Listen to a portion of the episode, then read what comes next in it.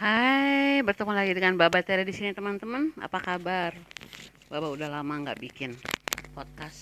Proses di dalam diri sangat-sangat membingungkan sebenarnya ya, karena uh, ada semacam kenaikan tingkat kesadaran dan itu mulai dirasakan di fisik. Jadi memang dia eh, kadang-kadang uh, dimulai dengan pola pikir yang berbeda dengan pola pikir sebelumnya lalu datanglah emosi.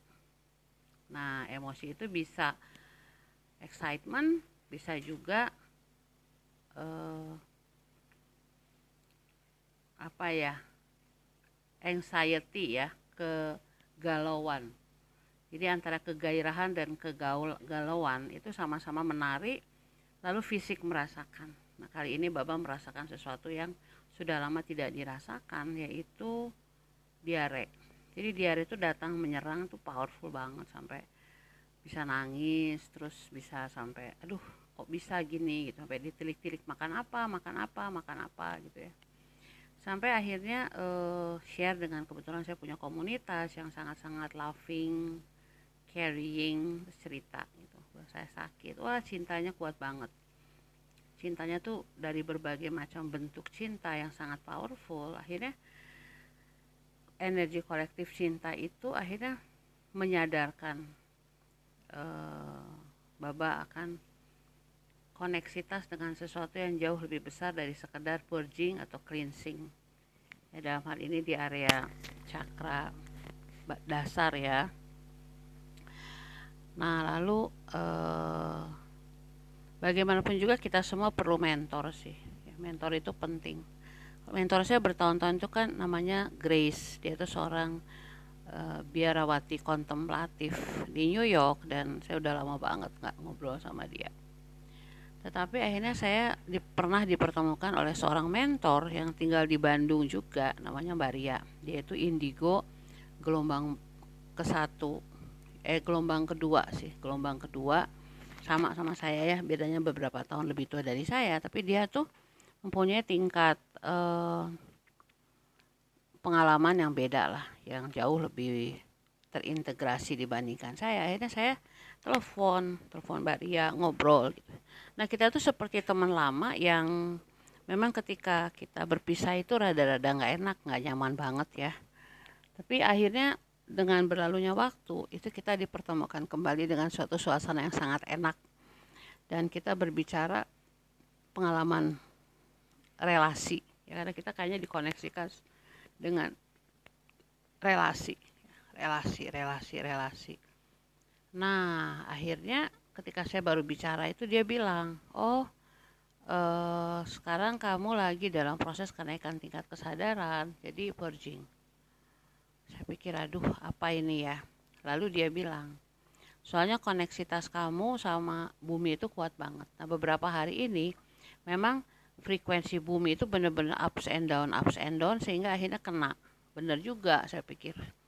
Dan sekarang Bapak mau bicara soal bumi akhirnya karena kan segala sesuatu itu dalam konteks kehadiran kita di bumi kali ini adalah memang tentang bumi ya. Buminya sedang bertransformasi dan bumi akan tetap bertransformasi dengan atau tanpa kita. Kita tuh nggak mempengaruhi transformasi bumi. Dan bumi itu bertransformasi dengan segala level di dalam dan di luar dirinya. Ya, jadi dia tuh inner sama outer tuh memang benar-benar lagi bertransformasi. Dan dalam konteks perputaran semesta bukan semesta sih planet ya Planet itu sama seperti kita manusia, nggak ada bedanya dengan personal-personal kita atau grup-grup jiwa, ya. Nah, ada satu momen di mana bumi juga lagi keluar dari karmanya, sehingga akhirnya bumi sebagai seorang feminim, sebagai seorang perempuan itu sekarang sedang menyempurnakan dirinya untuk menaikkan dirinya ke tingkat kesadaran yang lebih tinggi. Nah, ketika sebuah entitas itu lagi melewati sebuah proses lingkaran transformasi yaitu melewati yang disebut lingkaran karmik. Nah, ternyata bumi juga sedang mengalami lingkaran karma. Ya, apa yang dialami oleh bumi itu juga dialami oleh manusia. Karena itu kita mengerti apa yang dialami oleh bumi. Nah, lingkaran karmik bumi itu dia berlangsung selama ratusan ribu tahun dan bumi itu lagi dalam proses keluar dari lingkaran karmik itu juga penuh dengan gairah dan kegalauan. Jadi dua sisi gairah, excitement dengan kegalauan, anxiety itu juga dialami oleh bumi, ya. Nah, bumi itu lagi terlibat dengan proses transformasi yang menghasilkan tingkat-tingkat kesadaran sebagai sebuah planet. Nah, sebagai jiwa personal. Jadi bumi itu jiwa personal. Dia itu juga sedang melewati lingkaran transformasi. Nah, lingkaran transformasi itu mempengaruhi saya. Karena apa? Karena bumi adalah rumah saya. Saya dibesarkan di bumi dalam kontrak jiwa saya. Nah, apa pun yang terjadi di bumi itu terpengaruh, mempengaruhi saya. Ya. Nah, jadi pada beberapa minggu terakhir ini tuh ada sesudah izin ya sesudah izin itu ada semacam kenaikan tingkat kesadaran yang baru karena tubuh saya itu berguncang-guncangnya nggak nggak bisa di nggak bisa ditahan ya. dan dia setiap siang. Itu guncang-guncangnya bukan lagi malam hari tapi siang hari. Kalau dulu kira-kira beberapa bulan yang lalu ya awal tahun ini apa tahun lalu akhir tahun lalu itu guncangannya terjadi pada malam hari. Seperti gempa bumi yang sangat-sangat besar. Sampai bisa loncat-loncat di kasur ya. Tapi dalam minggu-minggu ini tuh dia lebih kepada gerakan-gerakan yang sangat halus. Kayak ada listrik atau magnet yang ada di seluruh tubuh saya lalu dia bergetar. Lalu setelah itu saya mulai melihat warna-warna yang belum pernah saya lihat. Lalu saya ada di sebuah semesta yang belum pernah saya lihat. Lalu saya berada di lingkaran-lingkaran cahaya yang belum pernah saya lihat Lalu akhirnya Mbak Ria itu cerita bahwa itu adalah proses kenaikan tingkat kesadaran dan saya bersyukur banget ya. Bersyukur bersyukur banget. Nah, ketika tingkat kesadaran itu hadir, lalu cleansing diarenya mulai berkurang. Itu juga pengaruh cinta kolektif yang saya terima, lalu cinta dari keluarga saya yang begitu besar ya. Karena kan saya jarang sakit dan jarang mengeluh. Sekali ngeluh tuh kayaknya goncang pada datang pada ini kenapa gini gini semua ngasih alternatif pemulihan saya cuma bisa menangis karena karena saya merasa sangat tidak berdaya ya saya merasa rapuh rapuh banget oke teman-teman. Nah apa yang saya rasakan itu juga dirasakan oleh ibu bumi. Jadi personifikasi tingkat feeling kita itu juga dirasakan oleh ibu bumi. Nah, ketika tahun lalu saya merenovasi rumah, jadi selama dua tahun terakhir ini sejak zaman pandemi itu saya malah dikasih rahmat merenovasi rumah ya. Rumah ini saya beli dengan uh, keringat saya sendiri dan selama bertahun-tahun itu saya biarkan ditinggali oleh orang lain. Tapi karena sekarang saya sudah punya tanggung jawab kepada anak saya, akhirnya saya kembali ke rumah yang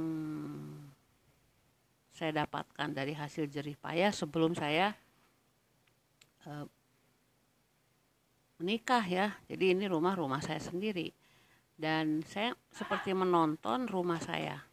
Jadi rumah saya itu waktu dibeli oleh ibu saya itu e, dibangun pelan-pelan oleh ibu saya.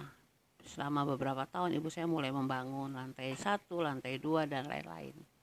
Nah, Lalu setelah ibu saya tidak ada sekitar 14 tahun yang lalu, lalu ketika saya masuk ke dalam rumah ini, maka saya juga mulai melihat rumah saya itu sebagai bagian dari ekstensi saya. Jadi saya mulai membayangkan bagaimana rumah ini harus direnovasi. Dan ketika saatnya rumah ini direnovasi itu semua kelimpahan semesta didatangkan tanpa tanpa kesulitan sama sekali ya dengan ringan mudah dan menyenangkan. Lalu rumah ini mulai bertransformasi sendiri mulai ada kehidupan di rumah ini. Selama, sebelumnya tuh rumah ini dihuni oleh berbagai entitas dimensi rendah dan saya nggak pernah apa ya bermasalah sama itu. Ini kita hidup sama-sama. Jadi saya ngelihat ada seorang gadis piaraannya itu adalah seekor harimau ya. Di sini ada keluarga yang tinggal yang e, menolak untuk keluar karena mereka bilang mereka duluan dibandingkan saya. Ya udah gitu ya kita sama-sama hidup di sini. Kemudian e, dalam proses renovasi ini saya mulai memasukkan berbagai macam sumber cahaya jadi atapnya dibuat cahaya belakang dibuat ventilasi depan samping kiri itu semuanya cahaya mulai masuk ke rumah ini nah dalam refleksi saya ternyata ibu bumi juga seperti itu. Jadi ibu bumi dalam proses renovasi dirinya sendiri itu mulai memasukkan cahaya-cahaya dari berbagai tingkat kesadaran yang ada di semesta. Nah, masuknya tingkat-tingkat cahaya, tingkat-tingkat cahaya yang adalah kesadaran dari semesta itu harus diikuti oleh persiapan raga. Jadi raga juga harus siap menerima perubahan-perubahan itu. Kalau tidak, raga nggak bisa nampung. Jadi bumi juga dalam gairah dan kegalauannya itu mulai berekspansi.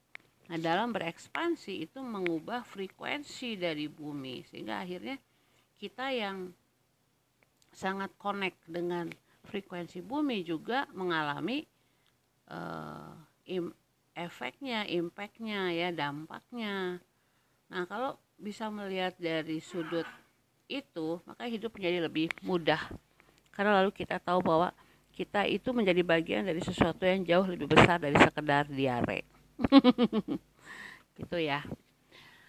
Oke akhirnya kuncinya adalah mengalir.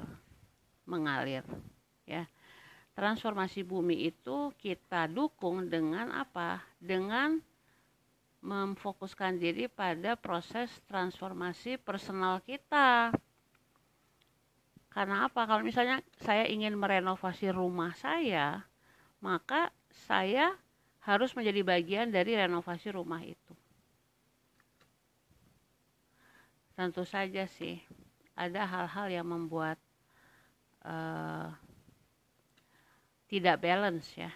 Karena setiap perubahan itu akan menimbulkan ketidakseimbangan. Gimana caranya kita dengan tubuh kita sendiri ya jadi kita tuh tinggal di berbagai lapisan rumah ya ada rumah fisik kita lalu ada rumah di mana kita tinggal lalu ada kubus-kubus di sekitar kita ya kubus tradisi agama edukasi ekonomi politik sekarang kesehatan udah mulai masuk nih ya dengan pandemik dan lain-lain kita tinggal di rumah itu juga lalu akhirnya yang paling besar adalah mungkin sekarang sebelum rumah semesta adalah rumah bumi. Jadi kita berada di lapisan-lapisan rumah. Nah, setiap lapisan itu juga berubah, berubah. Bahkan kubus-kubus itu mulai berubah ya. Kubus-kubus itu mulai berubah. Nah, sekarang saya ngerti kenapa dalam misi ekspedisi aktivasi saya berikutnya adalah masuk ke rumah-rumah ibadah kalau dulu ketika saya masuk ke rumah ibadah untuk aktivasi portal pertama ya itu saya masuk ke kayak Masjid Demak, Gereja Katolik Muntilan, Candi Borobudur, Candi Cetok, lalu apa sih di Semarang ya ada kalau nggak salah tuh Sampokong itu saya minta izin untuk bertransformasi. Jadi saya datang dengan kelompok untuk minta izin untuk naik ke tingkat kesadaran ya. Bukan minta izin sih sebenarnya, saya ngasih tahu sih. Enggak, saya nggak minta izin. Saya datang lalu saya bilang terima kasih untuk tingkat kesadaran itu. Sekarang saya mau naik tingkat kesadaran. Ngasih tahu ke mereka. Dan para leluhur di lima candi itu e, merasa bahagia karena mereka juga tahu mereka harus bertransformasi ya teman-teman ya Nah, sekarang ini mulai minggu depan ini tugas yang dibebankan, bukan dibebankan sih tugas yang bagian dari misi jiwa adalah melakukan uh, vibrasi di rumah-rumah ibadah. Nah, itu yang akan dilakukan saya dengan beberapa teman yang terpanggil ya. Jadi kita akan keliling dan kita akan hadir di rumah-rumah ibadah itu lalu kita akan menaikkan vibrasi ke tingkat kesadaran yang lebih tinggi. Itu sudah dimulai oleh beberapa teman ketika kita mengunjungi sebuah e, rumah ibadah di Madura. Memang kebanyakan dari kami nggak ikut karena kami tidak berpakaian pantas menurut tradisi kubus tersebut ya, tapi e, diwakili oleh tiga orang, dua perempuan dan satu pria itu yang datang hadir lalu saya akan rasa bahwa memang vibrasinya powerful banget ya. Satu vibrasi itu bisa mempengaruhi 15.000 orang secara elektrik magnetik ya. Jadi kita akan lakukan itu dan kita tidak mau mengganggu mereka yang belum ingin melakukan transformasi. Nggak apa-apa. Karena di dalam konteks sang kesadaran sang kesadaran itu sendiri memperkenankan proses jalur pelayanan positif dan jalur pelayanan negatif. Ya bedanya cuma satu persen, cuma satu persen, dua persen deng. Jadi 51 persen jalur pelayanan positif itu ketika kita memberikan 51 persen minimal ke orang lain, yang 49 persen ke kita. Nah, terbalik jalur pelayanan negatif adalah terbalik ya. Jadi 51 persen untuk diri sendiri dan 49 persen untuk orang lain tetapi fluktuatif kebanyakan nggak seperti itu. Jadi ada yang 70% untuk orang lain atau untuk diri sendiri tergantung jalur pelayanan mereka yang mana yang sesuai dengan kontrak. Dan kita semua itu akan mengalami setiap kontrak. Jadi kalau kita menganggap kita ada jalur pelayanan negatif maka kita akan suatu saat tiba di suatu kontrak jiwa masuk ke jalur pelayanan positif. Vice versa ya sebaliknya seperti itu tetapi sang kesadaran dalam era ini itu memang memutuskan untuk masuk pada jalur pelayanan positif. Ya, jadi apa pun yang menjadi bagian dari manuver-manuver manipulasi yang dilakukan oleh jalur pelayanan negatif itu akhirnya akan tertransformasi dengan sendirinya karena mereka nggak nggak bisa bertahan untuk tetap di jalur tersebut. Ya teman-teman. Jadi ini adalah saat yang paling paling powerful powerful buat kita buat kubus kubus kita dan wah untuk bumi. Jadi kita itu bervibrasi dalam cahaya dan suara, lalu kita berada di semesta yang mengalir, maka yang paling baik adalah yang paling tetap adalah kita tetap santai dan fokus. Kita connect dengan jantung bumi kita connect dengan jantung kita. Rasakan koneksitas antara jantung dari kita dan jantung dari bumi.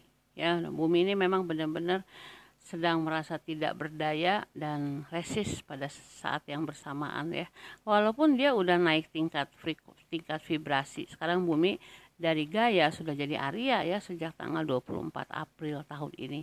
Tetapi tetap tetap struggle struggle yang ada tetap ada. Karena kan transformasi itu dia pelan-pelan. Karena dia sedang menciptakan fondasi untuk dirinya sendiri ya.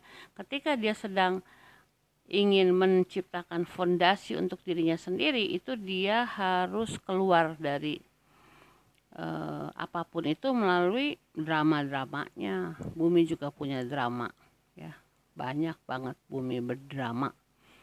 Kadang-kadang hujan kadang-kadang panas kadang-kadang longsor kadang-kadang uh, cuacanya gak enak banget gitu ya. Penuh dengan drama. Sama seperti kita. Kita juga penuh dengan drama di level luar dan dalam. Kenapa karena fondasi baru bumi sedang dibuat dan itu dibuat berdasarkan energi hatinya. Kita juga teman-teman pada saat kita sedang membuat suatu energi keseimbangan dan koneksivitas, energinya harus berasal dari hati, bukan berasal dari main atau pikiran ya. Karena kalau dari hati itu kita merasakan sebuah yang mengalir seperti kasih ibu bumi, kasih bapak angkasa, kasih katakanlah kasih krisma yang mengalir tanpa tanpa beban ya tanpa paksaan suatu yang indah satu yang lewat dengan sangat-sangat indah Oke teman-teman itu sharing babak kali ini suatu perjalanan sampai diare-diare dan lain-lain tapi ternyata hasilnya ada suatu koneksitas yang baru. Dan Baba bersyukur banget sudah melewati koneksitas itu karena itu adalah bagian dari kontrak jiwa dari misi jiwa. Uh, apakah harus ada yang diubah? Harus harus. Dalam setiap transformasi harus ada yang dilepaskan ya. Kalau Baba sederhana banget sekarang ada makanan-makanan yang udah nggak bisa masuk lagi ke perut. Karena setelah beberapa hari stabil tiba-tiba sakit lagi tuh. Saya pikir kenapa ya? Oh ternyata asupan-asupan energi dalam bentuk makanan juga mempengaruhi kita. Jadi sekarang semakin kita bertransformasi semakin meringankan tubuh kita semakin berubah dari tubuh raga menjadi tubuh cahaya itu kita harus mengubah pola makan kita ya pola minum kita. Pola asupan kita. Jadi kita tetap ada di dimensi tiga di mana dimensi tiga itu kan tentang how to eat how to sleep sama how to have pleasure. Nah ternyata ada perubahan dalam pola pikir juga ya. Nggak harus jadi vegetarian nggak harus. Karena tubuh setiap orang itu berbeda-beda ya. Kalau kita anggap harus vegetarian kita masuk kubus vegetarian. Nah, kita nggak mau ya. Tapi kita yang menentukan kita harus mengenal tubuh kita sendiri untuk tahu mana yang sekarang sudah harus diubah, mana yang sekarang yang harus ditambahkan. Lalu kita menari dengan tubuh kita. Oke teman-teman sampai sini saja. Terima kasih sudah menjadi bagian dari transformasi bumi ya melalui transformasi pribadi masing-masing. Uh, setiap kali teman-teman ke rumah ibadah, pancarkan frekuensi yang lebih tinggi, frekuensi cinta tanpa menghakimi, tanpa menilai kepada siapa pun yang ada di rumah ibadah itu. Dengan demikian, teman-teman menjadi bagian dari transformasi bumi melalui religi. Namaste, sampai jumpa.